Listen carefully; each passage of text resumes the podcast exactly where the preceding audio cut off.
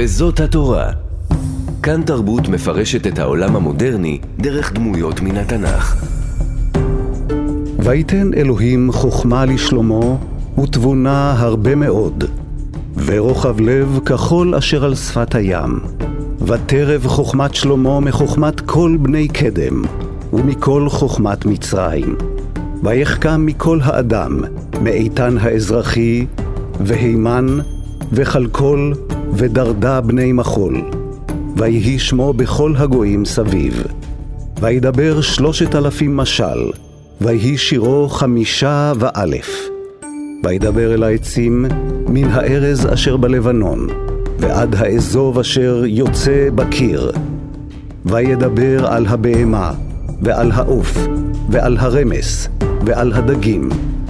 ויבואו מכל העמים לשמוע את חוכמת שלמה, מאת כל מלכי הארץ, אשר שמעו את חוכמתו.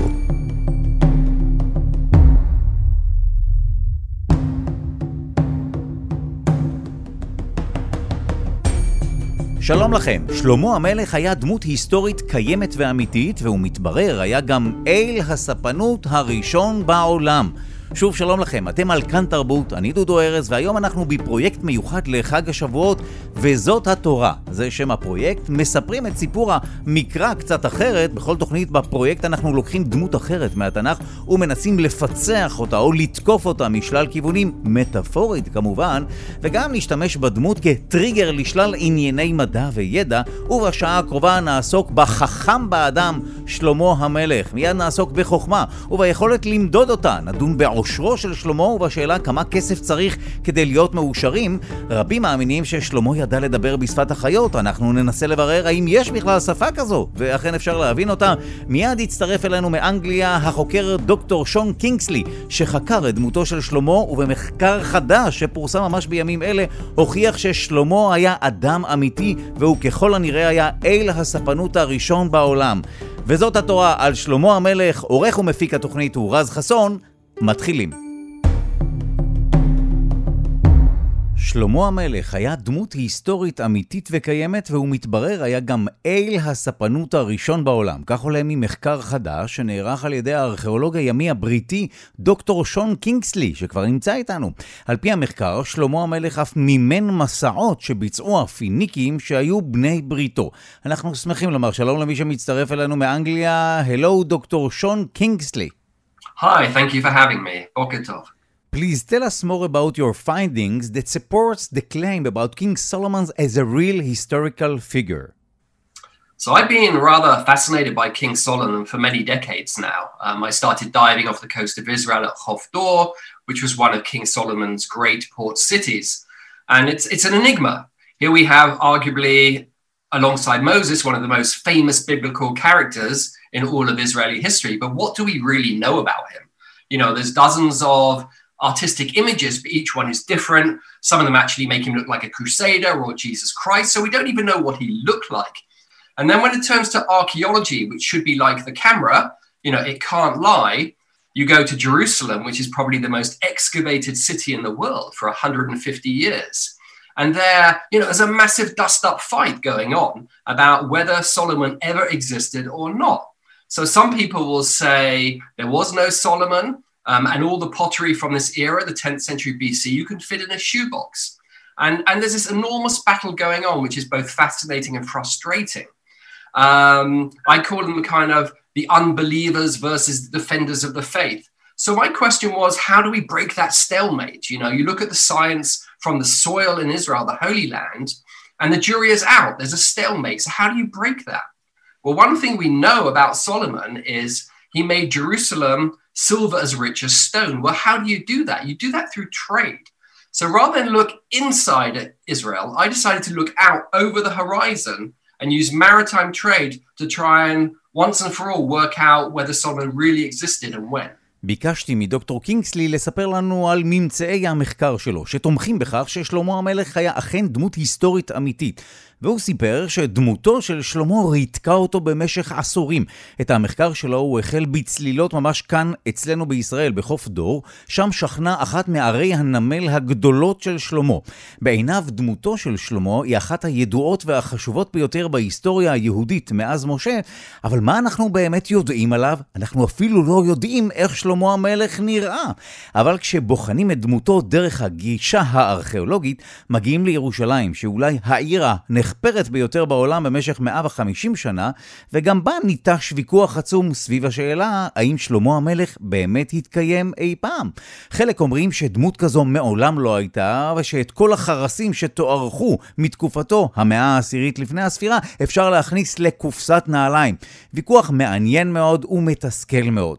הוא קורא לו הוויכוח בין הלא מאמינים לבין מגיני האמונה. דוקטור קינגסלי רצה לפרוץ את המבוי הסתום הזה. אחד הדברים שאנחנו יודעים על שלמה זה שהוא הפך את ירושלים לעשירה מאוד. ואיך עושים את זה? באמצעות סחר. אז בעוד חוקרים אחרים התרכזו בתוך גבולות ארץ ישראל, דוקטור קינגסלי הביט אל מעבר לאופק וחקר את הסחר הימי של התקופה, בין היתר כדי לקבוע האם שלמה המלך אכן היה אדם אמיתי.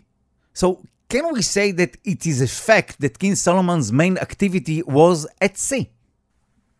So, one thing we know from the Bible, from the book of Kings and Chronicles, is that King Solomon got a lot of his wealth from sea trade. Um, he had the world's first special relationship in a trade venture with King Hiram of Tyre. And together they went over the horizon looking for gold, silver, ivory, apes, peacocks, really exotic material. And it was that that was part of the source of his wealth that went into the temple in Jerusalem, for instance. So it's a question of where are these places? The land of Ophir, the land of Tarshish, their epic that people have been looking for for so long. Um, and I got very interested by Tarshish. Ophir is difficult. Tarshish, well, people have looked at it from everywhere, from India to Africa. But actually, um, there's a there's a stone inscription in Sardinia that dates to the um, to the 8th century BCE, uh, which mentions Near Eastern traders, the Phoenicians, and the land of Tarshish. So we know we're getting close when we get to Sardinia in the Western Mediterranean. It has to be somewhere near there. And we need to find a place with a lot of Near Eastern finds, Phoenician finds as well, because they were the they were the guys who put their necks on the chopping block, if you like. The Phoenicians did the actual sailing, 5,200 kilometers to the what must have felt like the dark side of the moon. And I think the Solomon really, the Israelites just put up the money for those ventures. So we need to find a place where we have pottery finds from the Near East and masses of extensive evidence for mining. שאלתי את דוקטור קינגסלי האם ניתן לומר בוודאות שפעילותו העיקרית של שלמה הייתה בים. הוא השיב שכבר בספר דברי הימים כתוב שהוא אכן צבר את עושרו הודות לסחר ימי. היה לו את הקשר הראשון בהיסטוריה עם חירם מלך צור, ושניהם הפליגו יחד בחיפוש אחרי כסף, זהב, שנהב, קופים, טווסים ועוד, כשחלק מהעושר שלו הוקצה לבניית בית המקדש הראשון. אחת השאלות הייתה היכן בדיוק נמצאים כל המקומות האקזוטיים האלה, כמו למשל criminal תרשיש, הוא הסתקרן מאוד בכל מה שקשור לעיר תרשיש, ומתברר שאכן נמצאה כתובת אבן בסרדיניה, שמתוארכת למאה השמינית לפני הספירה, שבה מוזכר סחר בין פיניקיה לתרשיש. מכאן ניתן ללמוד שככל שנתקרב לסרדיניה במערב הים התיכון, נמצא ממצאים פיניקים נוספים, וקינגסלי הסביר שהפיניקים היו אלה שביצעו את העבודה בפועל. הם אלה שעשו את העבודה, הם הפליגו למרחקים אדירים של בין היתר 5,200 קילומטרים, מה שוודאי הרגיש להם כמו מסע עד לצד הרחוק מאיתנו של הירח, והוא חושב ששלמה המלך מימן את המסעות האלה. אז אנחנו בעצם צריכים למצוא מקום שבו נמצא איזשהו תיעוד בחרסים, משהו שיעיד על פעילות הקריאה הענפה הזו. So you mentioned that King Solomon's probably sponsored the Phoenician sea trade cruises. What do we know about them? I think it's pretty clear. I feel quite sorry for the Phoenicians. You know, they've had a bad rap in history. Um, if people know anything about the Phoenicians, oh, they were these evil people who sacrificed children to their gods Tanit. Well, they may or they may not have, but apart from that, and we shouldn't judge the past, you know, actually child sacrifice, whether we don't like it today, was a very accepted past element of history. Um, but they were also very famous, perhaps the world's Mediterranean's most famous artisans, craftsmen, experts in making kind of the purple dye um, that's reused in religious ceremonies. um, fantastic in making ivory works, silver and gold plates. Um, so actually, they were master craftsmen and brilliant sailors. בהמשך לטענה ששלמה מימן את המסעות של הפיניקים, שאלתי את קינגסלי מה אנחנו בכלל יודעים על הפיניקים. הוא אמר שהוא די מרחם עליהם, משום שיש להם מוניטין היסטורי רע מאוד. הדבר העיקרי שאנשים יודעים לומר עליהם שהם היו אנשים רעים שהקריבו ילדים כמנחה לאלה שלהם, ששמה היה תנית. אולי הם באמת עשו את זה, ואולי לא, אבל לטענתו לא צריך לשפוט אותם על כך. אוקיי, לדבריו, הקרבת ילדים היום נשמעת לנו משהו כמובן מזעזע, אבל מדובר בנוהג שנחשב למרכזי מאוד בהיסטוריה. דוקטור קינגסלי מגלה שהפיניקים נחשבו לאומנים ולאנשי המלאכה המוכשרים ביותר במזרח התיכון. הם התמחו בהכנת צבע סגול ששימש בטקסי דת רבים ובהכנת צלחות מזהב ומכסף, כך שלמעשה הם היו אנשי מלאכה מוכשרים ויורדי ים מבריקים. Dr. Kingsley, you mentioned that part of King Solomon's wealth was used to build the first holy temple in Jerusalem. Is there any archaeological proof uh, for it? Well, again, you know, that's why I wanted to look at the sea rather than the land, because the land is so frustrating. This isn't me saying this, this is other archaeologists who claim that on the Temple Mount, there isn't one pottery that dates to the iconic 10th century BC. Other archaeologists on land from Tel Aviv University say, you know, there is nothing at all. Jerusalem in the 10th century was a one horse town, which is odd because the same sort of people are saying, oh, King David, yes, of course. You know, we have remains of him um, in walls and palaces in Jerusalem and south of Jerusalem itself. But Solomon, no, he was just a myth. Well, how can it be? You know, you can't have David and then his son, one being real and the other not. קודם לכן, דוקטור קינגסלי ציין שחלק מהעושר של שלמה שימש לבניית בית המקדש. אז שאלתי אותו אם יש לכך ראייה ארכיאולוגית. הוא שב ואמר שזו הסיבה שהוא אוהב לחפש את הממצאים שלו בים ולא ביבשה. היבשה מתסכלת מאוד, ולא רק הוא אומר את זה. נטען שבהר הבית לא נמצא איזשהו ממצא חרס שניתן לתארך למאה העשירית לפני הספירה. חוקרים מאוניברסיטת תל אביב טענו לדבריו שבתקופה המדוברת ירושלים הייתה עיר די זניחה, שזה מוזר, כי אותם האנשים בדיוק אומרים, דוד המלך, כמובן, יש עדויות לקיומו בחומות ובארמונות בירושלים ובחלקים שבדרום העיר, אבל שלמה לא, הוא רק מיתוס. אבל איך זה יכול להיות? הרי לא ייתכן שדוד היה אמיתי ושלמה בנו לא. So the bottom line is that there was a King Solomon, he was very wealthy and earned his wealth by trade at sea. That's the argument that we're making. Whether he actually stepped on the sea and liked it, who can say? I mean, you look at modern China today, you know, they made trillions from ocean sailing in history, but they never actually went on the ships. They would get the Arabs from the Persian Gulf, the Sasanians, other cultures to actually doing the shipping, and they would pay for the voyages. And I'm saying there's a kind of similar model with Solomon and the Phoenicians. But what's really amazing is, you know, if you said to me, over in Andalusia, there's a set of Phoenician remains and Near Eastern pottery everywhere from Huelva uh, all the way to Alicante, full of Phoenician pottery, remains of silver mining, um, the kind of signature material that we associate with the Near East, murex shells for making purple dye, uh, bits of shipbuilding, etc. I would have said it's a hoax, uh, but it, it is absolutely fascinating. It shows us how little we really know. And then the kind of the icing on the cake, if you go inland to the biggest mine of antiquity at Rio Tinto, there, if you look at the 17th century accounts and the maps, there's actually a map with an X on it. X marks a spot, and it's called Cheddar Solomon, Solomon's Hill. And by no coincidence, right there, there's evidence of massive mining and a frontier town of the Near East. And that was sort of a ground center for mining. They mined the silver, they took it to Huelva, where they refined it into bars. It was then taken to Cadiz, and it was shipped back to ports like Dor in Israel.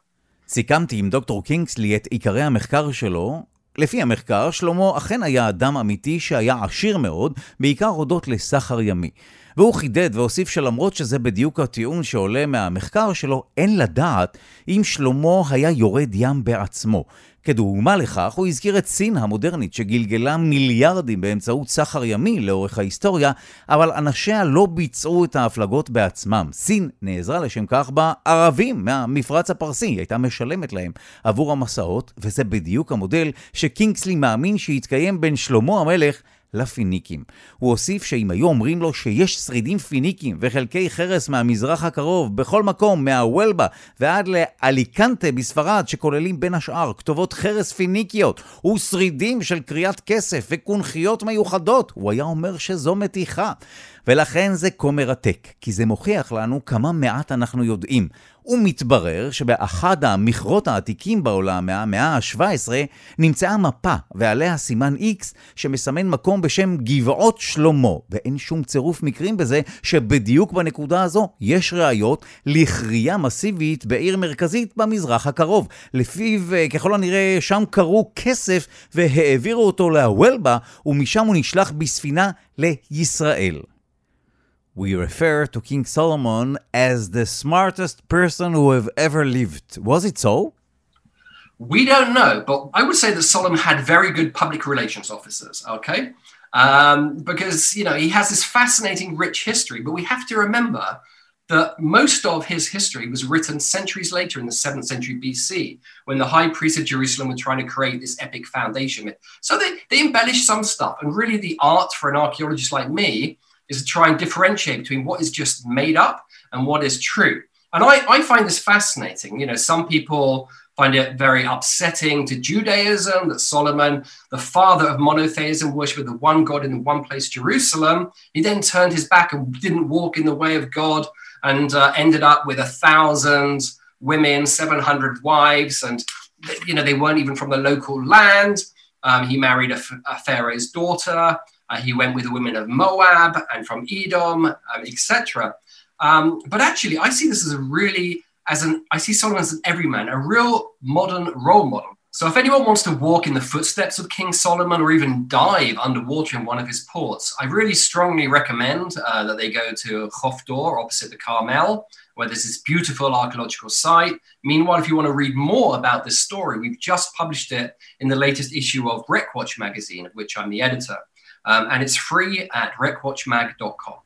אמרתי לדוקטור קינגסלי שעל פי המקורות, שלמה נחשב לחכם באדם. שאלתי אותו האם יש ממצאים שתומכים בקביעה הזו.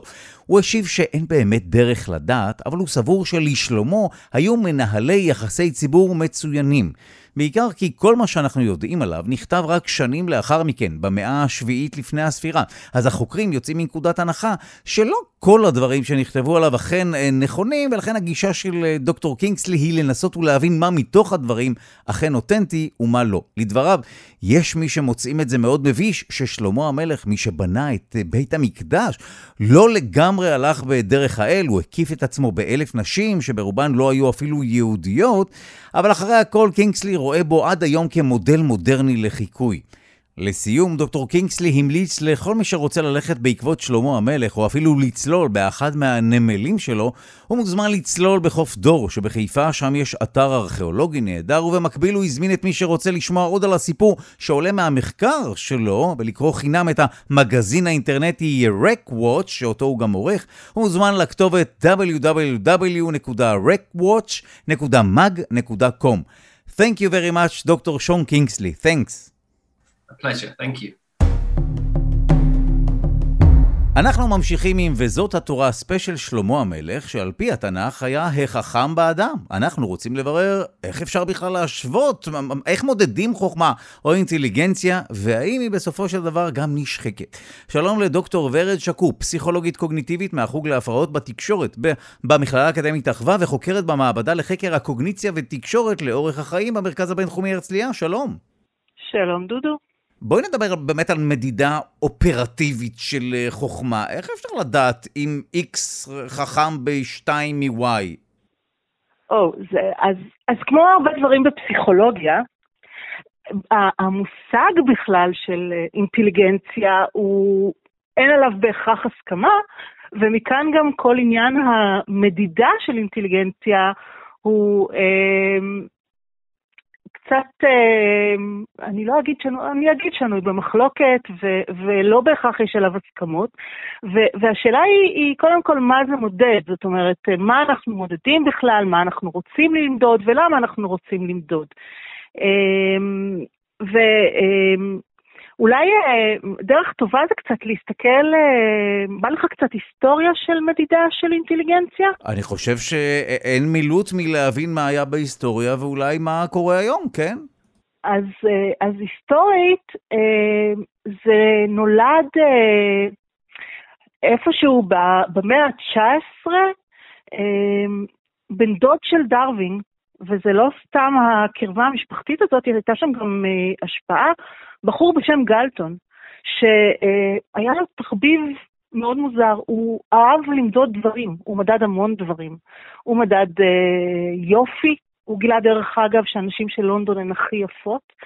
Uh, הוא בדק uh, כל מיני uh, משתנים שקשורים למטאורולוגיה, שדרך אגב השתמשו בזה הרבה שנים בשיטות שלו, uh, כל מיני מדידות פורנזיות שקשורות לטביעות אצבעות, ואפילו uh, שעמום בשיעורים. Uh, ו, וגלטון בעצם מנסה, מעבר לתחביב באמת, מעבר ככה לעניין האנקדוטי, הוא מנסה לאתר אה, תכונות אה, קבועות אצל הפרט ולבדוק את, ה- אה, את הפיזור שלהם, את ההתפלגות שלהם באוכלוסייה. ו- והוא בעצם בשלב הראשון אה, עושה איזשהו מפעל מדידה בתערוכה הגדולה של לונדון, אה, ושם אה, מודדים כל מיני דברים שהיום נשמעים לנו רחוקים אה, מרחק מזרח ממערב מאינטליגנציה, דברים שקשורים לחדות חושית, אה, חדות ראייה, חדות שמיעה, mm. אה, ו- וכל מיני אה, משתנים סנסוריים, ואני אה, אומרת את זה עכשיו, ואני מקווה שבסוף השיחה שלנו אתה תראה איך אני סוגרת את המעגל עם העניין הסנסורי הזה. אמ, וגלטון אה, אה, מאמין שאינטליגנציה זה בעצם אה, משהו שהוא תורשתי, ו, אמ, וככה גם אה, אחר כך ממשיכים אותו, קטל ואחרים, ש, אה, ששוב, הם, הם בודקים משתנים שהם אה, יותר סנסוריים, ו, וההתייחסות שלהם היא, היא לזה שאינטליגנציה היא תורשתית. ואני אה, לא אגיד פה כל מיני מילים שישתמש בהם גלטון, אבל אה, שקשורים להשבחת גזע, השאלה הזאת גם אה, של, אה, תורש, אה, סליחה, של אינטליגנציה, זה תורשה, זה סביבה, זה דבר אחד, זה הרבה דברים. איזה דברים? הולכת לאורך כל ההיסטוריה של, של בכלל המדידה של האינטליגנציה ושל הספרות והתיאוריה לגבי אינטליגנציה. במקביל ככה, זאת אומרת, גלטון הוא, הוא, הוא, בלונדון, אבל אחריו אה, זה, זה עובר לארצות הברית, אלה אנשים כמו קטל, ואחר כך אה, אה, קצת נעצר התחום מדידה הזה, ו, וחוזר אה, לאירופה, לשם אה, שאולי כבר נשמע מוכר למישהו שקצת מכיר אה, שמות שקשורים למדידה של אינטליגנציה, וזה בחור בשם בינה. ו... ובינה באמת מתחיל אה, לפתח ב... לפי בקשת, בהזמנת אה, הממשלה הצרפתית, איזשהו מבחן אה, שיאפשר אה, זיהוי של ילדים שלוקים בפיגור שכלי או בפיגור לימודי בבתי ספר. והוא בעצם אה, אה, מתחיל לפתח מבחנים שיותר דומים למה שאנחנו מכירים היום. אה, זה אה, מבחנים שבודקים תהליכים מנטליים מורכבים ולא יכולות חושיות, יש איזושהי התייחסות לגיל הכרונולוגי, אה, אבל בינה, בניגוד לגלטון ולקטל, אה, הוא מאמין דווקא בסביבה. והוא גם מאמין שאפשר אה, לשנות ולשפר יכולות, יכולות אה, קוגנטיביות, הוא מדבר על משהו שהוא אפילו אה, אורתופדיה מנטלית, זאת אומרת ממש אה, וואו. לתקן, אה, לעשות שיקום אה, אה, או, או תיקון או שינוי אה, של אה, אינטליגנציה. הדיון הזה סביב האינטליגנציה אה, נמשך כל הזמן. אה, והמבחן המקובל היום הוא מבחן וקסלר, אבל גם מבחן וקסלר, יש עליו הרבה מאוד ביקורת, כי הוא מושפע מאוד מהטיות תרבותיות, הוא מושפע מאוד אה, אה, מהטיות חברתיות ואחרות, והוא אה, מתעלם מכל מיני מרכיבים שהיום אה, חוקרים חושבים שהם כן חשובים, כמו למשל אה, הדבר הזה שנקרא אינטליגנציה רגשית, היכולת להשתמש במידע אה, על רגשות שלנו ושל האחרים כדי לקבל החלטות. עד היום הנושא הזה אה, שנוי אה, במחלוקת, ואחד הדברים שהכי, נחשבים להכי בעייתיים במבחנים האלה, זה אה, ההטיות התרבותיות שלהם. וההטיות התרבותיות שלהם הם אולי עכשיו אה, יכולות להיגמר בכן אה, הילד הלך לתוכנית מצוינות או לא הלך לתוכנית מצוינות, אבל אם מסתכלים אחורה קצת בהיסטוריה, אה, היו לזה מחירים הרבה יותר כבדים, במיוחד אם זה מתחבר לשאלת התורשה סביבה. זאת אומרת, אם אני יכולה, אם אני חושבת שמה שקובע זה תורשה, ולכן מי שנולד חכם אה, אה, יישאר חכם, ומי שנולד לא חכם יישאר לא חכם, ו, אה, ואם אני מודדת באופן שמודד רק חלק מהיכולות, או מודד אה, באופן שהוא מוטה תרבותית, אז, אה, אז הנה אוכלוסיות שלמות שמוגדרות כלא אה, חכמות וחסרות עתיד. אה, ויש דוגמאות כאלה, אה, למשל אה, סיפור ידוע על מינונים של חיילים לפני מלחמת העולם בצבא האמריקאי, עם מבחן מיוחד שנקרא ארמי בטא, ותוכנן לבדוק של חיילים שהם או מהגרים או אינם יודעים לקרוא, ו, ויש עליו הרבה מאוד ביקורת שנים אחרי, שהוא גם לא בודק את מה שהוא היה צריך לבדוק, וגם היה מוטה אה, תרבותית, וגם אה, הוא עבר באופן שהיה מוטה, הוציא את כל החיילים אינם יודעי קרוא וכתוב, וכמובן מתוך כך משכבות סוציו-אקונומיות נמוכות יותר, או מהגרים. זה גם יכול באמת להיות משהו שגורם לעוול חברתי, ובאמת משהו שהוא לא שוויוני מהותית, זאת אומרת, זה איזשהו מבחן טכני שבאמת יכול להדיר אוכלוסיות. נשמע שנגענו פה בסוגיה בעייתית מאוד. הסוגיה הזאת היא בעייתית מאוד. היא בעייתית מאוד, אמ, והיא לא נעלמה עם הזמן. אמ, גם היום המבחנים האלה, כולל למשל המבחנים הפסיכומטריים, שעושים אה, אמ, הילדים שלנו, אה, אנחנו עשינו, עושים הילדים שלנו, הם, הם, גם הם, אה, עם כל ההשתדלות וכמה מחבריי הטובים ביותר קשורים למבחנים האלה, אז אני בטח לא אגיד עליהם דברים רעים, אבל, אבל, אבל יש שם איזושהי הטיה תרבותית במבחן עצמו. ו, אמ, וזה קשור אחר כך למוביליות חברתית, וזה קשור לתפיסות חברתיות. תודה רבה לך, הפסיכולוגית הקוגניטיבית דוקטור ורד שקוף, מהחוג להפרעות בתקשורת במכללה האקדמית אחווה, חוקרת במעבדה לחקר הקוגניציה ותקשורת לאורך החיים במרכז הבינתחומי הרצליה. תודה רבה לך. תודה לך. אנחנו ממשיכים עם וזאת התורה ספיישל שלמה המלך, ועכשיו שפת בעלי החיים. מספרים על שלמה המלך שהיה מבין את שפתן של החיות. אנחנו ננסה לברר האם לבעלי החיים אכן יש שפה, או איזשהו רף סימנים שמעליו אפשר להתייחס למערכת הסימנים הזו כשפה. אנחנו שמחים לומר שלום לפרופסור דוד אילם מבית הספר לזואולוגיה באוניברסיטת תל אביב, חוקר במוזיאון הטבע על שם שטיינהרט. שלום. שלום. מאז ומעולם הייתה פנטזיה להבין את שפתם של בעלי החיים, שאנחנו מרגישים שמתקשרים זה עם זה, ואנחנו מחוץ לחגיגה הזו. יש שפה לבעלי החיים בהכללה? כן, uh, התחום שעוסק בזה הוא נקרא חקר התנהגות בעלי חיים, אתולוגיה, ואחד מאבות האתולוגיה באמת, שמו קונרד לורנט, uh, הוא זכה בפרס נובל על המחקרים שלו בהתנהגות בעלי חיים, כתב ספר שנקשר בדיוק למה שאמרת. בספר הוא קרא טבעת המלך שלמה, משום שהאגדה אומרת שבעזרת טבעת שלמה המלך ידע לדבר בשפתם של כל בעלי החיים. ועליה אומר קונרד לורנס, אותו חוקר התנהגות, גם אני, כמו שלמה המלך, יודע לדבר בשפתם של כל בעלי החיים, ואיך אני עושה את זה? כי אני יודע לקרוא את ההתנהגות שלהם.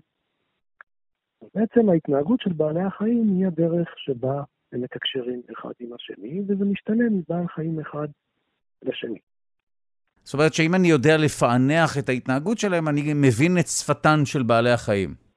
כן, במידה מוגבלת אנחנו צריכים לרדת אל קומתם ואל נקודת המבט שלהם בשביל לנסות להבין את השפה שלהם. אבל זה לא התחיל ככה בעצם, אלא קצת אחרי אותה עבודה, אותו ספר שנכתב על טבעת המלך שלמה, ניסו בני האדם לראות האם אנחנו יכולים ללמד שימפנזים לדבר כמונו. אז לקחו אותם מאז שהם היו תינוקות, ושמו להם חיתולים, ולימדו אותם לאכול עם כפית וכל מיני דברים, וניסו ללמד אותם לדבר. לדבר כמונו, כשהשפה שלנו מורכבת בעצם משני דברים, ממילים, מאוצר המילים שלנו, ומהתחביר, מהצורה שאנחנו מחברים משפטים מהמילים, מאוצר המילים שלנו. והסתבר שקופים לא מסוגלים, שימפנזים לא היו מסוגלים לעשות את זה, אבל תוך כדי זה גילו שיש להם שפה אחרת שאפשר לדבר איתה ממש. והיא שפת הסימנים. אנחנו יודעים שבטלוויזיה הרבה פעמים אנחנו רואים מתרגם לשפת, או מתרגמת לשפת סימנים. ומסתבר ששימפנזים מסוגלים ללמוד מילים בשפת הסימנים, ואפילו לחבר משפטים שלמים, להגיד אני רוצה לעשות כך וכך בעזרת אה, שפת הסימנים. אז היו שתי שימפנזיות מאוד מפורסמות, וושו, אחת שמה היה וושו, השנייה נקראה בשם שרה, הייתה גם גורילה בשם קוקו שמתה לפני שנתיים או שלוש, והם למדו לדבר ולתקשר בשפת הסימנים, ממש כמו שבני אדם שאינם יכולים לדבר, יודעים לתקשר בשפת הסימנים. והם אכן אגב מתקשרים באמצעות אה, תנועות ביניהם? זאת אומרת, אין קולות שהם אה, משמיעים ואז מתקשרים ביניהם? בהקשר הזה לא, אבל בעלי חיים אכן מתקשרים, אחת מדרכי התקשורת היא תקשורת קולית בין בעלי חיים. הדרך שכולנו מכירים, ציפורים, ציפורים שרות. ציפור עומדת ושרה, בדרך כלל אלה הזכרים ששרים סרנדות בכדי למשוך אליהם את בת בנות הזוג, או בכדי להצהיר על הטריטוריה שלהם, או בשביל להראות לכולם שהנה אנחנו התעוררנו בבוקר ואנחנו מוכנים לפעילות היום. כלומר, יש להם תקשורת שהיא תקשורת של שירה, ואגב, יש להם תחביר בשירה, יש להם שירים עם מבנה קבוע בדיוק כמו שירים של זמרים אצלנו, כך שזה דרך תקשורת מאוד מקובלת. עכשיו, לא רק הציפורים שרות, גם לוויתנים שרים, וגם להם יש שירים עם מבנה מאוד מאוד קבוע, ובעומק מסוים הם יכולים להשמיע את השירים שלהם, ככה שלוויתן ששוחה בצד אחד של האוקיינוס, יכול להשמיע את הקול שלו ללוויתן אחר שנמצא מרחק של אלף קילומטרים ממנו. כך שתקשורת קולית היא באמת דבר שמפותח מאוד בין בעלי חיים, ואלה שתי דוגמאות בולטות לזה. אבל יש עוד דרכי תקשורת בין בעלי חיים, למשל תקשורת בהבעות פנים. אה, אנחנו היונקים, ובכללם אנחנו בני האדם, יכולים לעשות הרבה הבעות פנים שמביעות מה אנחנו רוצים. עכשיו, כל מי שיש לו כלב יודע שכלב יכול להביע עם הפנים שלו הרבה הבעות של כעס, הבעות של שמחה, להוריד את האוזניים, אה, זאת אומרת, לשמוט את האוזניים, לחשוף את השיניים, להנמיך את הגוף שלו לעמדה מסוימת, כך שעם תנועות הוא יכול להביע קשת שלמה של דברים, וככה באמת כלבים, לא רק כלבים, אלא הרבה בעלי חיים, הרבה יונקים יודעים לעשות הבאות, שימפנזים זה מאוד בולט, וקופים זה מאוד בולט, גם לבני אדם זה מאוד בולט, אבל גם אחרים כמו הכלבים עושים את זה.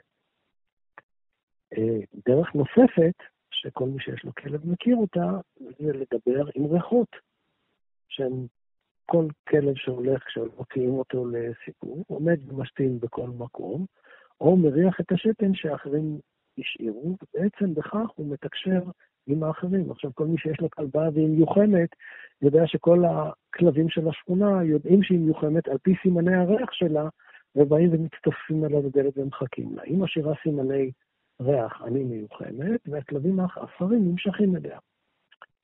הפטנט הזה של ריח הוא לא פטנט רק של הכלבים, ניקח למשל נמלים.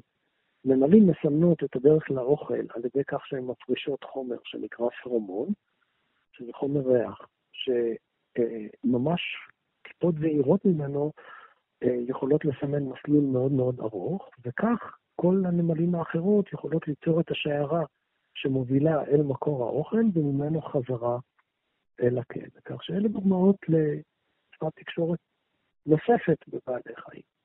זאת אומרת שכמובן שיש תקשורת בין בעלי חיים, גם אם זה לא שפה במובן האנושי, עדיין בעלי חיים מעבירים מידע זה עם זה, ואני משער שיותר פונקציונלי, אבל לא רק, כפי שאת אומרת, גם זה כן יכול להיות הבעה של, לא יודע מה, מצב רוח או state of mind, אבל יש גם כמובן הרבה מידע פונקציונלי שעובר.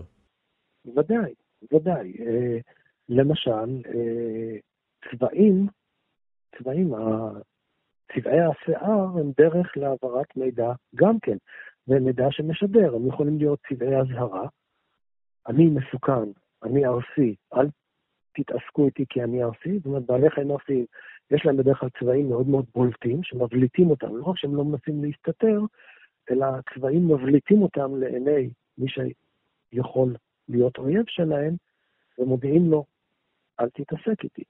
צבעי הסוואה זה בדיוק ההפך. מסתירים אותי מעיניו של האויב, ועל זה ככה אני נעלם ממנו. עכשיו, ישנם צבעים שמשמשים גם לתקשורת. הטווס שפורס את הזנב שלו עם הנוצות היפות ומרצית אותן, ומנסה על ידי כך להרשים את הנקבה ולמשוך אותה אליו. ציפורים אחרות שרות, והטווס רוקד מולה. עכשיו, ישנם בעלי חיים אחרים ששרים ורוקדים. למשל, הצפרדעים שמקרקרות, זה בעצם שירה כאשר השירה של הזכר, שהיא החזקה ביותר והערבה ביותר, מושכת אליה את הנקבה, ואגב, הם נוהגים לשיר אפילו במקהלה. כל הצפר, כל הקרפדות בשלולית החורף, או כל הצפרדעים בנחן, שרות כולן בבת אחת, בכדי שהשירה תהיה חזקה ותמשוך את הנקבות. אבל יש דו-חיים אחרים, הסלמנדרות, הטריפונים, שאין להם אוזן כמו לצפרדעים, אז לכן הן לא יכולות לשמוע שירה באותה צורה, אז מה שהם עושים, הם רוקדים, הזכר עומד מול הנקבה, הוא קודם כל לובש לבוש כלולות, הוא מפתח לעצמו קרבולת לאורך הגוף, והוא רוקד על ידי כך שאת הזנב הארוך שלו הוא מקפל באמצע ומרתיק יפה, ממש כמו שהטווס עושה עם הזנב שלו, למרות שפה מדובר בדו-חי. הוא מרטיט את הזנב שלו ופשוט רוקד מול הנקבה עד שהיא משתכנעת ומסמנת לו שהיא מוכנה אה, להזדווג איתו. עכשיו, יש דרכים רבות שמשדרים בעלי חיים, משדרים לבעלי חיים אחרים את העוצמה שלהם, הרעמה של האריה, הטיב של הפרווה, היופי של הפרווה, הצבעים, הצבעוניות בדגים, כל אלה הם בעצם דרכי תקשורת. זאת אומרת, דג שמתהדר בצבעים שלו משדר לאחרים שזה מה שהוא עושה. טוב, מושג אה, רחב כמובן, זאת אומרת, זה הרחבת המושג שפה להעברת מסרים ותקשורת בכלל, אבל אה, לגמרי מרתק מה שקורה בעולם החי. תודה רבה לך, פרופ' דוד עילם, מבית הספר לזואולוגיה באוניברסיטת תל אביב, חוקר במוזיאון הטבע על שם שטיינהרדט. תודה. בבקשה, שלום. אנחנו ממשיכים עם וזאת התורה ספיישל שלמה המלך, ועכשיו שפת הצמחים. אנחנו רוצים לברר האם לצמחים יש בכלל שפה, אותה אפשר להבין. שלום למי שחקר את הנושא הזה, פרופסור אריאל נובופלנסקי, אקולוג אבולוציוני מהמחלקה לאקולוגיה מדברית על שם מיטרני במכונים לחקר המדבר על שם יעקב בלאושטיין. שלום. שלום, שלום, מה שלומך? אה, בסדר גמור. ראשית, רגע לפני שנענה על השאלה האם לצמחים יש שפה, אולי נגדיר מהי שפה, כי אני משום מה מרגיש שבהגדרה יש משהו שעשוי להסביר לנו אה, חלק מהתשובה לפחות. אוקיי, okay, שפה זה לא תחום המחקר שלי, אבל אה, אתה יודע, כל, כל סדרה של אותות שיכול, שיכולה להיות משודרת מישות אחת ולהיות מובנת על ידי ישות אחרת, יכולה להיות, אני מבין, או אסופה של כאלה סימנים או אותות, יכולה להיות אה, מוגדרת כשפה. אוקיי, okay, זאת אומרת, כל סוג של תקשורת שצד אחד אה, אומר משהו או משדר משהו והצד האחר קולט, אה, זו, לצורך העניין זה, אה, אה מדובר בשפה. אני חושב שאפשר להגיד את זה ככה, למרות שאני חושב שאולי כדאי להוסיף ש, אה, שהצד השני, זאת אומרת הצד הקולט, יכול להבין את האותות האלה. יכול להבין okay. אוקיי. ולעשות בזה שימוש כלשהו. מצוין, אז אה, זה מוביל אותי לשאול על צמחים. האם לצמחים יש שפה בהמשך להגדרה הזו? אז לפי ההגדרה הפשוטה הזאת, אה, אפשר להגיד שכן, מכיוון שצמחים גם מייצרים אותות וגם חשים אותות, ומכיוון שחלק מהאותות שצמחים חשים הם אותות שצמחים אחרים משדרים, אז אפשר להגיד שיש, כן, בהחלט יש תקשורת בצמחים, והם יכולים להבין אחד את השני. עכשיו, כשאנחנו מדברים על אותות, במה בדיוק מדובר? אז אותות יכולים להיות כמו ממש בחיים האנושיים, מבוססים על הרבה מאוד מערכות. למשל, אותות כימיים, זה דבר שקל לדמיין, כן? במהלך החיים מעורבות מולקולות שונות, חומרים שונים שכל יצור מייצר ומפריש, וחלק מהחומרים האלה מגיעים גם לסביבה. כשצמח גדל, מתפתח, חווה חוויות, הוא מייצר חומרים שונים, מגוונים, וחלקם מופרש לסביבה, בין מהנוף העליון שלו ובין משורשיו. חלק מהחומרים האלה יכולים להיות, יכולים להגיע לצמחים אחרים, והצמחים האחרים יכולים לחוש אותם ולהפיק מהם מידע, אם, אם וכאשר המידע הזה הוא רלוונטי לשרידה שלהם, להתפתחות שלהם, לגדילה שלהם. טוב, אני, אני מרגיש שדוגמה ספציפית תבהיר לנו אה, בדיוק איך זה קורה ובאילו נסיבות זה קורה. כן, אני אתן דוגמה, אני חושב שאתה צודק, דוגמה זה הכי טוב. אה, אה, ניתן דוגמה שהיא באה מהקלאסיקה של התחום הזה, והוא מצב שבו צמח אחד אה, עומד וחרקים מתקיפים אותו. הצמחים לא יכולים לברוח, הם עומדים באותו מקום, קשורים לאדמה עם, עם שורש והם דפוסים שם, ולבעלי החיים קל מאוד להגיע אליהם ולנגוס בהם, כן? לכרסם, לנשנש עליהם. וכשצמחים אה, נפגעים בצורה כזאת, הם אה, מפרישים כל מיני חומרים. חלק אה, ממש, אה, אתה יודע, מתפרץ מהתאים הפגועים שלהם, וחלק מהחומרים האלה אה, נדיפים, או די נדיפים, ומגיעים למרחקים, למרחק של כמה מטרים ויותר. אם עומד צמח בסמיכות, הוא קולט את החומרים האלה, ומחלקם הוא יכול להבין שעומד לידו צמח שנפגע על ידי בעלי חיים אוכלי צמחים. כשצמח, אה, חלק מהצמחים שחשים באותות כאלה, הם נכנסים לכוננות, והם מבינים במרכאות, הם מבינים בלי מוח, אבל הם מבינים, אה, שהם עלולים להיפגע גם כן. ולכן הם מתחילים לייצר חומרי הגנה, רעלים שונים, שיגנו עליהם מפני אותם חרקים או אותם אוכלי צמחים בשלב הבא. אם ככה, יש לך מערכת שבה אה, צמח אה, שומע תקשורת מצמח אחר, ועושה בו שימוש אה, התאמתי, אדפטיבי. ממש קריאה לעזרה, או לפחות אה, התראה שמשהו קורה, ואז באמת יש כן השלכה פרקטית. זאת אומרת, זה לא שרק הצמח יודע ו- וזהו, אלא ממש הפרשה של אה, חומר שיכול לסייע לו, וואו. אז זה, זה, הנושא הזה הוא נושא נוסף, זאת אומרת, האם הצמח שבאמת ממנו הופצו חומרים כאלה, האם הוא קורא לעזרה? זאת שאלה מעניינת, ויש לה תשובה חלקית, אבל מראש, אפילו לפני שאנחנו יודעים שהוא קורא לעזרה, הוא קודם כל מפריש חומרים מעצם זה שהוא נפגע. ובמהלך האבולוציה צמחים uh, פיתחו uh, תכונות שמאפשרות להם להבין את המסר הזה, אם צמח אחר מפריש אותו, כן? והמסר הזה הוא של צמח פגוע. צמח פגוע זה אומר שמישהו שפוגע נמצא באזור. זה כאילו שאתה תשמע אה, קולות קרב בסביבה ואתה תיכנס למקלט, כן? זאת אומרת, יש וואו. לך מידע שמגיע, ואתה משתמש בו כדי להגן על עצמך. השלב השני הוא השאלה שאתה נגעת בה, האם הצמח שהפריש חומרים כאלה, אה, הוא בעצם קורא לעזרה. ואז ראו שמהלך האבולוציה התפתחו דברים כאלה, אפילו שלא בכוונה, בכוונה פה, השאלה של כוונה היא מאוד מאוד קריטית ולא פשוטה, אבל נעזוב אותה לרגע בצד. ואז ראו שאכן כשצמחים פולטים חומרים כאלה, אה, מגיעים לאזור אה, כל מיני בעלי חיים טורפים שחשים שבאזור נמצאים אותם בעלי חיים, אותם חרקים שאוכלים את הצמח. אז אתה יכול לדמיין לעצמך חרקים טורפים, שיודעים שהם יכולים לנשנש משהו באזור הזה, כי הם מריחים את, את, את ריחות הפגיעה מהצמח, והצליחו להראות במחירים שונים, שאכן זה מושך אותם, והם באים אה, לטרוף את אותם הרביבורים, את אותם אה, חרקים אוכלי צמחים. וכך באמת, שבמקרה או שלא במקרה, זאת אומרת בכוונה תחילה או שלא בכוונה תחילה, נוצרו, אה, הפכו אותות אה, האלה גם לאותות מצוקה, כמו שאתה קראת. וואו, אה, אה, לאילו צמחים יש את המנגנון הזה? זאת אומרת, אה, מה? האמת שלדי הרבה צמחים, הרשימה ארוכה ביותר, אתה יודע, מעצם העובדה שצמחים עומדים ולא יכולים לברוח, הופכים את רוב הצמחים שנמצאים אצלנו, בוודאי אלה שעומדים בטבע, אלה הצמחים הטבעיים, לרעילים ביותר. אז יש צמחים שבמהלך החיים, הסיכוי ש, שיתקיפו אותם, כל מיני אוכלי צמחים, הוא גבוה ביותר. אה, הסיכוי שלא יתקיפו אותם הוא כל כך קטן, שמרגע אה, תחילת חייהם הם כבר רעילים. זאת אומרת, בגנים שלהם כתוב שהם רעילים והם כל הזמן רעילים.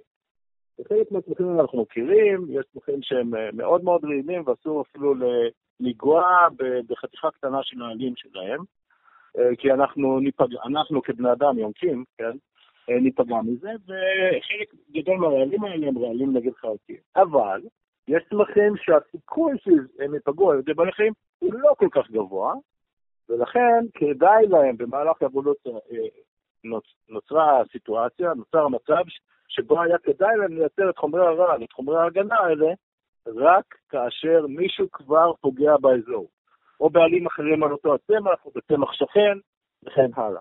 ואז התקבל, התקבל לנו, לנו איזו גמישות כזאת, היכולת לייצר רעל או הגנה רק כשצריך.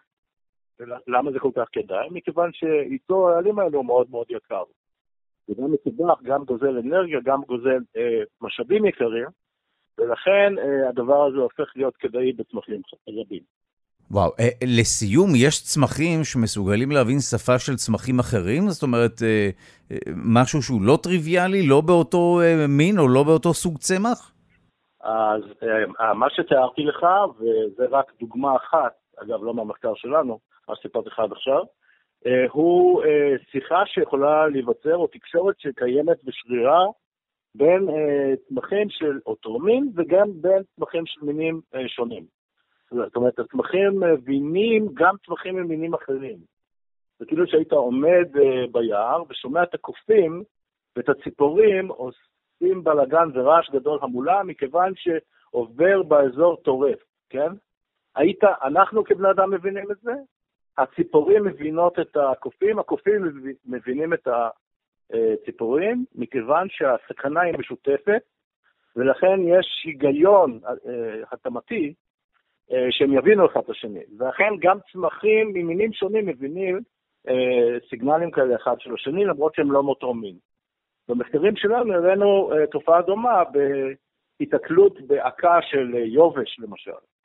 צמח שחווה מצבי יובש, משחרר אה, לסביבתו הורמונים, כל מיני חומרים, חומרים שנובעים מכך שהוא נמצא בעקה, וצמחים שעומדים לידו יכולים לחוש את, ה, את האותות האלה ולפעול בהתאם, להיכנס לכוננות במצב של יובש. והצמחים האלו לא חייבים להיות מאותו מין. זאת אומרת, מינים שונים יכולים להבין זה את זה.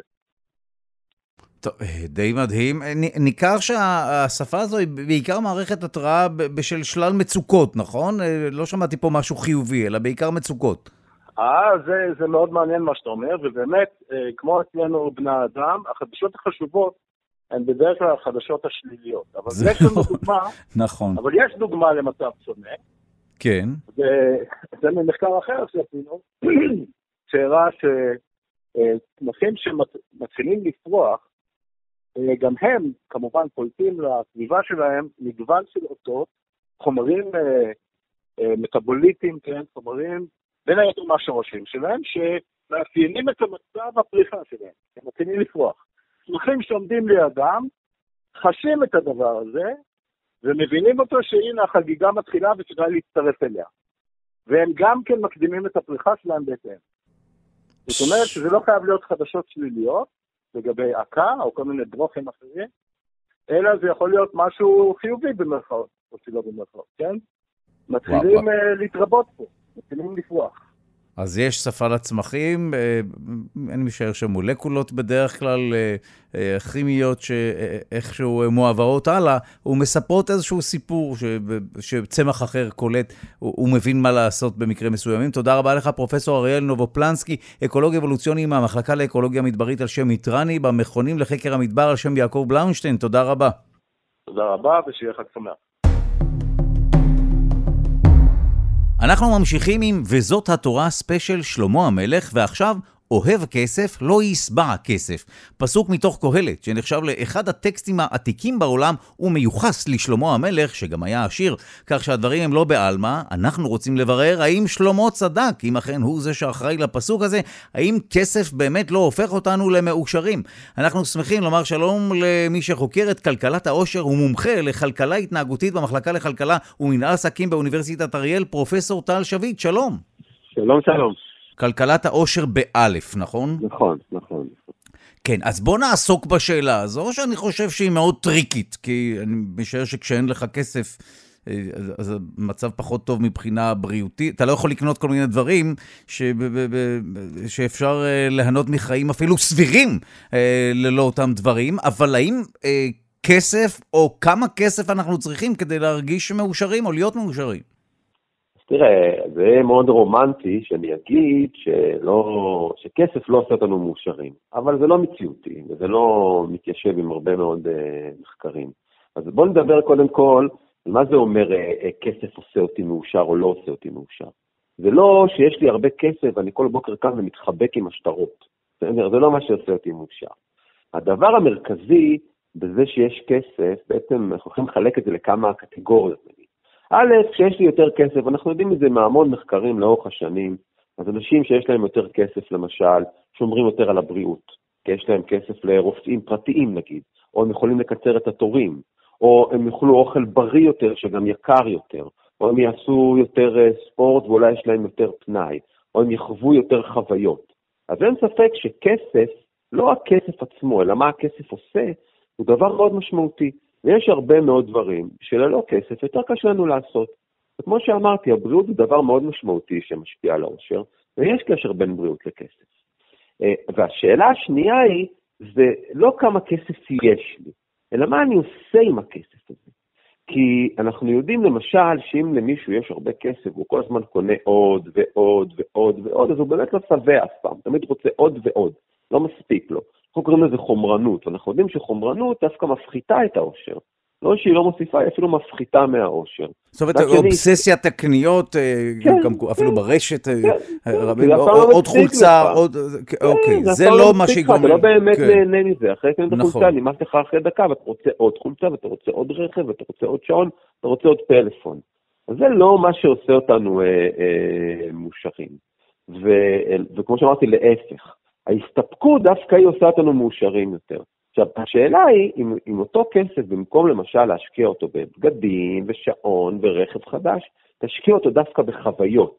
יותר טיולים עם המשפחה, יותר נסיעות אולי לחו"ל כשיהיה אפשר לנסוע לחו"ל, אה, יותר השקעה בחוגים, כל הדברים האלה שהם פעילות של פנאי אקטיבי וחוויות וזיכרונות שאתה צובר, דווקא זה שימוש יותר נבון לכסף שלנו.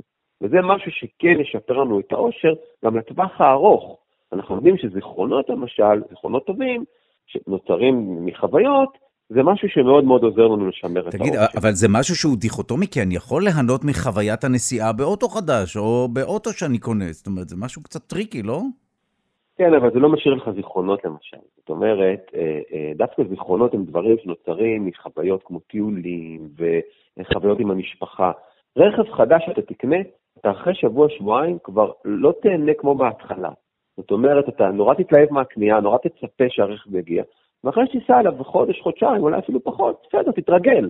למה? אתה תסלח לי שתוך כדי השיחה אני, אני מבטל פה איזו עסקה שעשיתי. בוודאי, עדיף שתשקיע את זה באיזושהי חוויה, אני כבר אומר. זהו, אוקיי, אז אוקיי, אז אז כן הזכרת בהתחלה, ושוב, באמת למען הגילוי הנאות, אה, אה, אי אפשר לדבר במובן הרומנטי שכסף לא קונה אושר, הוא כן קונה בריאות הרבה פעמים. שוב, אם אתה קונה איתו בריאות, או קונה איתו ספורט, או קונה איתו אה, מזון שהוא איכותי, ולא, לא יודע מה, פחמימות ריקות, או מש, אה, משהו יותר זול, אז אתה גם קונה בריאות, וזה גם איכות חיים, וזה גם אה, אורך חיים אה, וכולי, וזה משהו שהוא כן חשוב. התמכרות לקניות, או אובססיה של להרוויח עוד ולקנות עוד, הלופ הזה, הוא לא גורם לנו לאושר.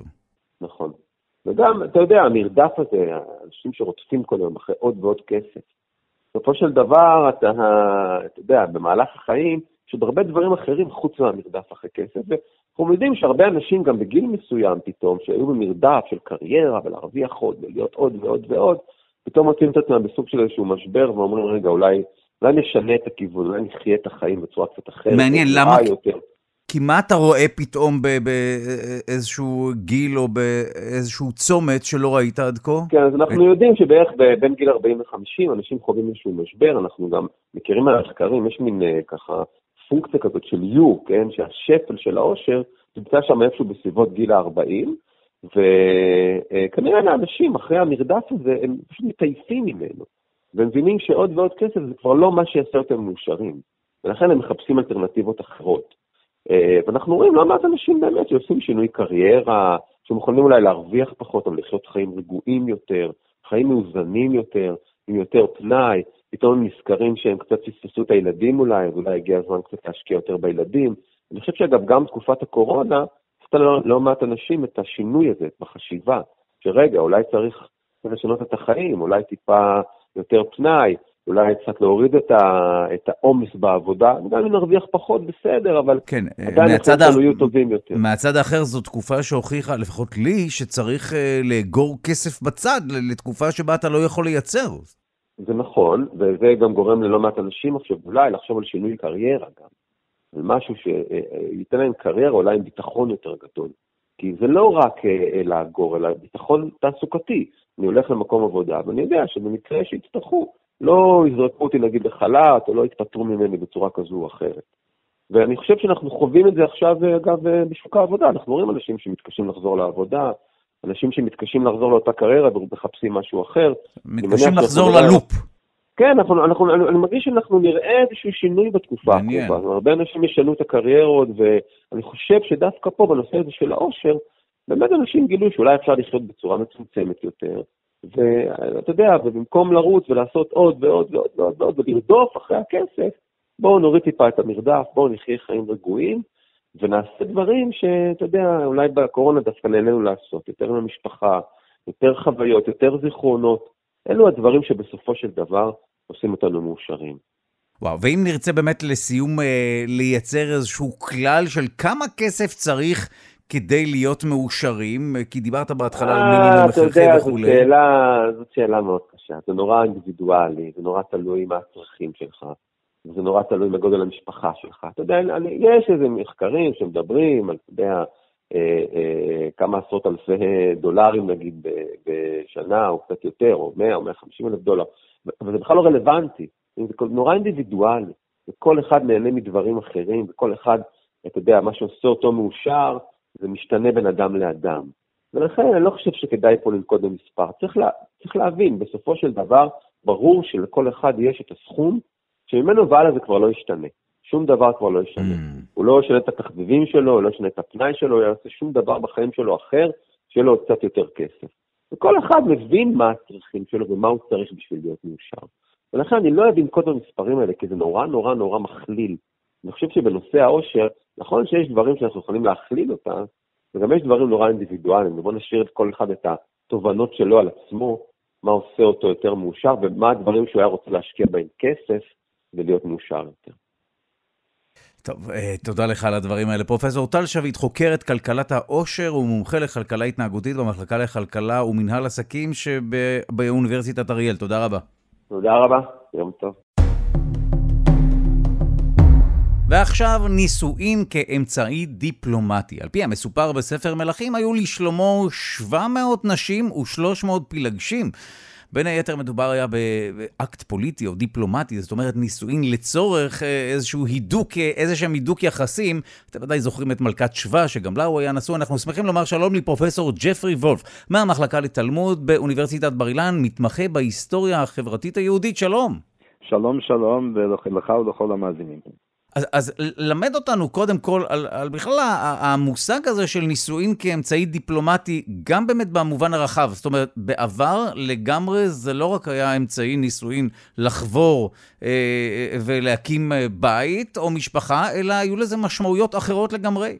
אז בוא נאמר את זה ככה, אה, תלוי איך אתה מגדיר דיפלומטים. הרי יהודים ברגע שאיבדו את הריבונות שלהם, הדיפלומטיה הייתה פחות או יותר מהם והלאה. אבל אה, אה, זה לא אומר שלא היו שושלות, זאת אומרת, במודרנה למשל, אנחנו מוצאים במזרח אירופה, ואפילו בנדות המזרח קצת, אה, שרבנים, משפחות רבנים מכובדות מחתנות אחת, מתחתנות אחת עם השנייה, וככה נוצרות שושלות רבניות, לא רק אצל אדמו"רים חסידיים בפולין, שזה ממש היה דבר מאוד מאוד נפוץ, אה, כמעט שלא תמצא אדמו"ר אחד שמכהן באיזשהו מקום אה, בארץ או בעולם שאיננו אה, קשור משפחתית לכל שאר האדמו"רים שאי פעם מילאו, מילאו את התפקיד באיזשהו מקום. אז, אבל גם בעולם החרדי הליטאי, כן. רוצים אותו ממש אותו דבר, שהיו שושלות, כי העניין הזה של הייחוס תפס מקום מרכזי בשיקולי החיתון בין, בין משפחות כאלו ואחרות. ומה, ורצון גם אה, אה, להינשא למישהו שהוא מיוחס? או כן, ממש... מישהו מיוחס, שמת... מישהו... כן. אבל זה קשור בכלל, ל... הרי המסור, המור, המסורת ההלכתית, התלמודית, מעודדת אנשים להתחתן עם אנשים שיש להם, מיד, שיש להם, שמסתמנות אצלם מידות טרומיות, וזה אמור לבוא, לבוא לידי, לידי ביטוי באדיקות במצוות, ובגמילות חסדים, ובתלמוד תורה. וממילא המשפחות האלו מסומנות כסוג של, אה, סוג של אה, אליטה. אמ, אז, אמ, אז אנחנו מוצאים את הדיפלומטיה במובן הזה, לא במובן המדיני. אבל אמ, בימי הביניים למשל, אה, ברחבי אירופה, וזה כולל גם העדות היותר ים תיכוניות כמו באיטליה, השיקולים ליצירת קשרי חיתון קשרי נישואין היו, אמ, לא תמיד היו אה, רומנטיים. אמ, קודם כל בגלל שכל הרעיון הזה, כל התפיסה הזאת של אהבה רומנטית, שהאהבה תתגבר על הכל ותנצח את הכל, אמור וינצ'ט אומניה, כמו שאומרים בלטינית, אה, היא רק, התפיסה הזאת רק נולדה במאה ה-12 בחוגים מאוד מאוד מצומצמים. באליטה הנוצרית, ורק התחיל, הרעיון הזה רק התחיל לחדור לעולם היהודי במאה ה-15-16. לפני כן, זה לא אומר שאנשים, ש, שאנשים ונשים לא אהבו אחד את השני, האחד השני, אבל זה לא אחד מהשיקולים המובילים. אמ, חיפשו, חיפשו, כפי שאמרתי, הם חיפשו ייחוס ויראת שמיים, בניין בית בישראל, כל הרעיון הזה של, של, של הקמת הבית או להתחתן בתור, לא רק בתור צורך אישי, אלא גם כביטוי לצורך הלאומי, להמשיך את עם ישראל, כל הדברים האלה עדיין היו קיימים והובילו בשיקולי ההורים. ופה אני רוצה להדגיש ההורים, בגלל שבקטע הזה לילדים הייתה זכות וטו, אבל לא, לא, לא, לא הרבה, לא הרבה מעבר לזה. יש אפילו ספר שיושב על המדף, שדווקא מתייחס לחברה הנוצרית בימי הביניים. לספר קוראים When Fathers Ruled, כשהאבות שלטו. אני לא יודע, כל האבות שנמצאים בין המאזינים, יכול להיות שבאמת יתגעגעו לאותם, לאותם ימים. אבל אה, אצלנו לפחות, הבנים והבנות יכלו לומר לא, אבל בגדול אה, מי שהתעסק במלאכה היו, מי שהתעסקו במלאכה היו ההורים. אמ, אחד מהדברים העיקריים שבאמת, שקבעו את בחירת בן או בת הזוג עבור הילד, אמ, היה סיפור, ה... סיפור ה... הבסיס הכלכלי של, ה, של המשפחה שאיתם באים, באים בקשר. מה שהיה מקובל, עד, האמת היא, עד למודרנה ואפילו עמוק לתוך המודרנה, היה ששני הצדדים, אה, כל אחד יתרום חלק כדי אה, לתת איזו, איזו מקדמה, איזה כסף בסיסי שהחתן יוכל להיכנס לעסקים. ואגב, הנשים גם היו אה, עסוקות בקידום העסקים. ולכן ממילא, ממילא אבות חיפשו שידוכים לילדים שלהם עם משפחות יותר, משפחות עשירות, משפחות שיכולות לספק את הבסיס הכלכלי הרצוי לילד שלהם. וככה נוצרו קשרי חיתון. הרי הרוטשילדים הם רק דוגמה מאוד מאוד מוגזמת לתופעה מאוד הרבה יותר כללית. וככה נוצרו קשרי, קשרי משפחה וגם קשרי עסקים בין משפחות uh, שונות באותו מקום, או, או אפילו uh, במקומות שונים באירופה. בגלל כששתי משפחות היו נכנסות בברית הנישואים דרך הנישואים של הילדים, וכל צד היה נותן כסף, אז יכול להיות שהם שולחים את הילד לאיזשהו, את הילדים לאיזשהו מקום ששם לא היה להם סניף לבנק או מה שלא יהיה, ו, uh, וככה נוצרה סוג של פזורה לאותה משפחה. טוב, אני מרגיש שפתאום נישואים כמימוש של אהבה אקראית בין בני אדם שנפגשים, זה פתאום נשמע משהו נדיר ב- ביחס למה שהיה בהיסטוריה. לא, לא, להפך, להפך. כפי שאמרתי, אם לא הייתה, אם לא הייתה משיכה, אז, הם, אז אחד מהצדדים היה אומר, אני לא רוצה. אבל... אה, זו זכות הווטו שהזכרת, כן. כמו בחתנר על הגג, זאת אומרת, הם למדו לאהוב אחד את השני. הבנתי, אוקיי, מעניין. תודה רבה לך, פרופסור ג'פרי וולף מהמחלקה לתלמוד באוניברסיטת בר אילן, מתמחה בהיסטוריה חברתית יהודית. חג שמח, תודה רבה. גם לך, ביי. ועד כאן וזאת התורה על שלמה המלך. עורך ומפיק התוכנית רז חסון, מיד אחרינו נדב הלפרין, שיעסוק בירמיהו ובנביאים המודרניים. שמרו על עצמכם, חג שמח, להתראות.